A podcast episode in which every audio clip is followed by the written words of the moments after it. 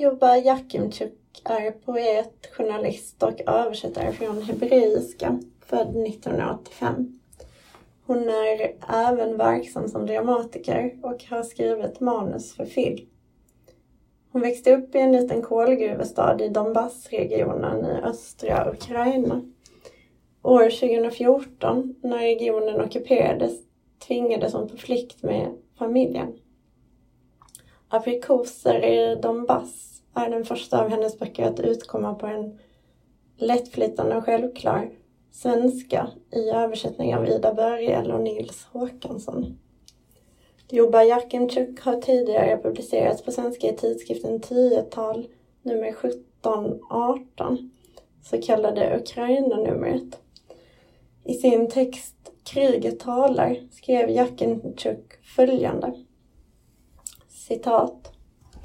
Mitt hus har blivit ett krig och ofta kan jag inte finna ord som inte är komprimenterade för att tala om det. Mellan språket och verkligheten har det nu blivit en spricka, ett hål. Språket är vargats hus. Jag tänker på Heidegger. Och när vargat blir ett krig så bosätter sig kriget också i språket.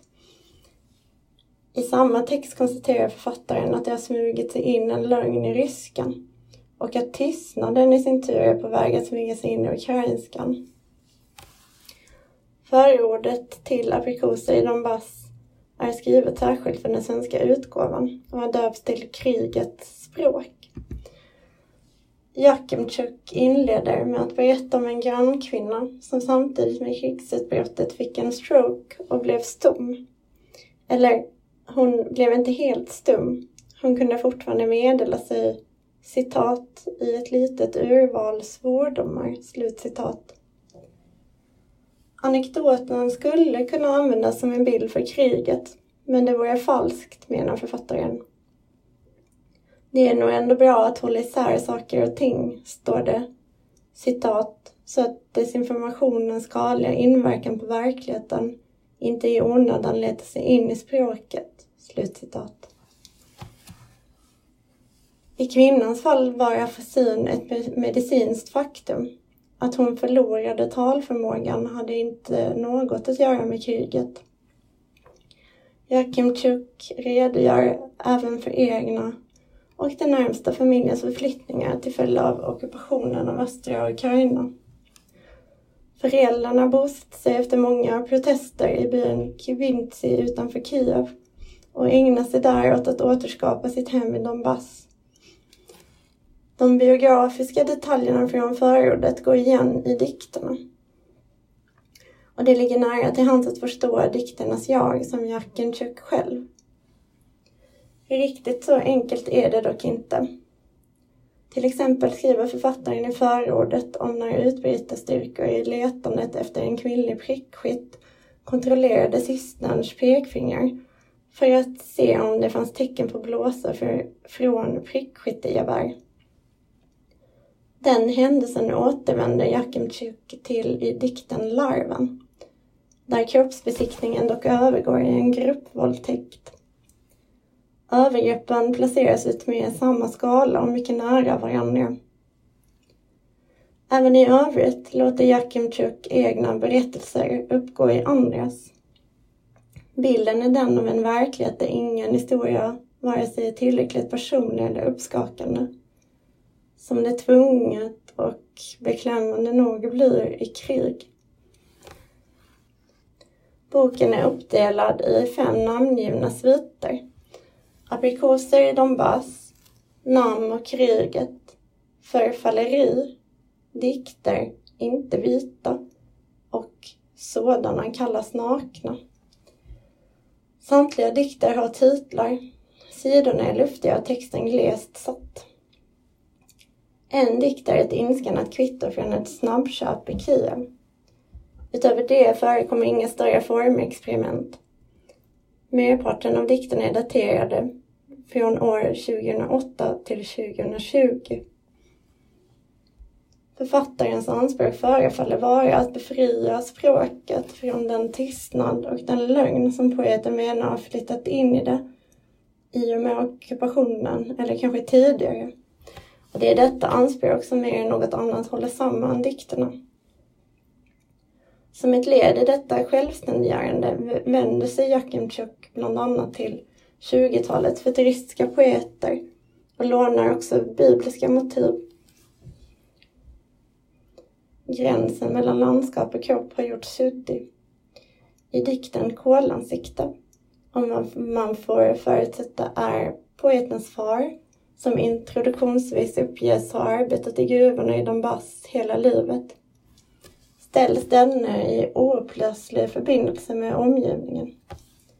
Citat. Med havsblå ögon och klingult hår, lite urblekt. Det är inte en flagga, det är min pappa. I gruvan med vatten till knäna, ansiktet som kol med avtryck av en urtida åkerfräken, av åren sammantrampat, hårdnar i havet till salt, hårdnar gräsen till kol. Och pappa står som steppgräset grå. Slutcitat. Kriget driver fram förändringar av verkligheten, vilken i sin tur påverkar språket, skriver författaren i förordet. Dikterna återger denna påverkan fysiskt och konkret. Namn på ödelagda städer och områden plockas sönder i stavelser som sedan kastas om till något svårigenkännligt. Att kalla en ödelagd stad vid namn var ju att inte låtsas om våldet och förstörelsen, verkar Jakimtjuk säga. Citat. Pervomajsk bombades i tu blev Pervomajsk. Första majstaden slagen i bitar för stam, aj, stad. Än nu har kriget tagit slut där igen, men freden har ändå inte börjat. Slutcitat. Att staden är ödelagd sidoordnas med krigets slut där, trots att freden inte har tagit vid. Krig är inte mer än de krafter som satts i rörelse för att ödelägga. Dikotomin krig, fred framträder vidare som falsk.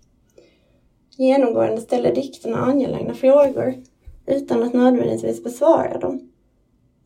Som vad som egentligen tar vid när kriget tar slut. Kanske är det ett sätt att driva tystnaden ur språket. Att ställa de rätta frågorna. Inte låta tanken stelna i skräck. Men aprikoser i Donbass är inte en diktsamling om kriget i första hand. Det är en personlig skildring av diktarens egna ursprung, av landskapet och av människorna. Människorna och omgivningen framträder som odelbara och tar i lika mån skada av våldet. Förlusten av hemmet blir till något fysiskt och konkret genom att byggnaderna getts mänskliga attribut, som i dikten Skyskrap, som citeras nu. Citat. Sy ihop byggnadens sår, täck den brända huden med förbandets vita kors. Slutcitat. En av dikterna behandlar jagets telefonsamtal med familjen i Donbass. Avståndet mellan jaget och jagets familj, mellan Kiev och Donbass anges i gravar, granater och tunga källardörrar. Citat. Mellan mig och min mamma finns hundratals gravar. Slutcitat. Att ange avstånd med vedertagna mått vore oriktigt.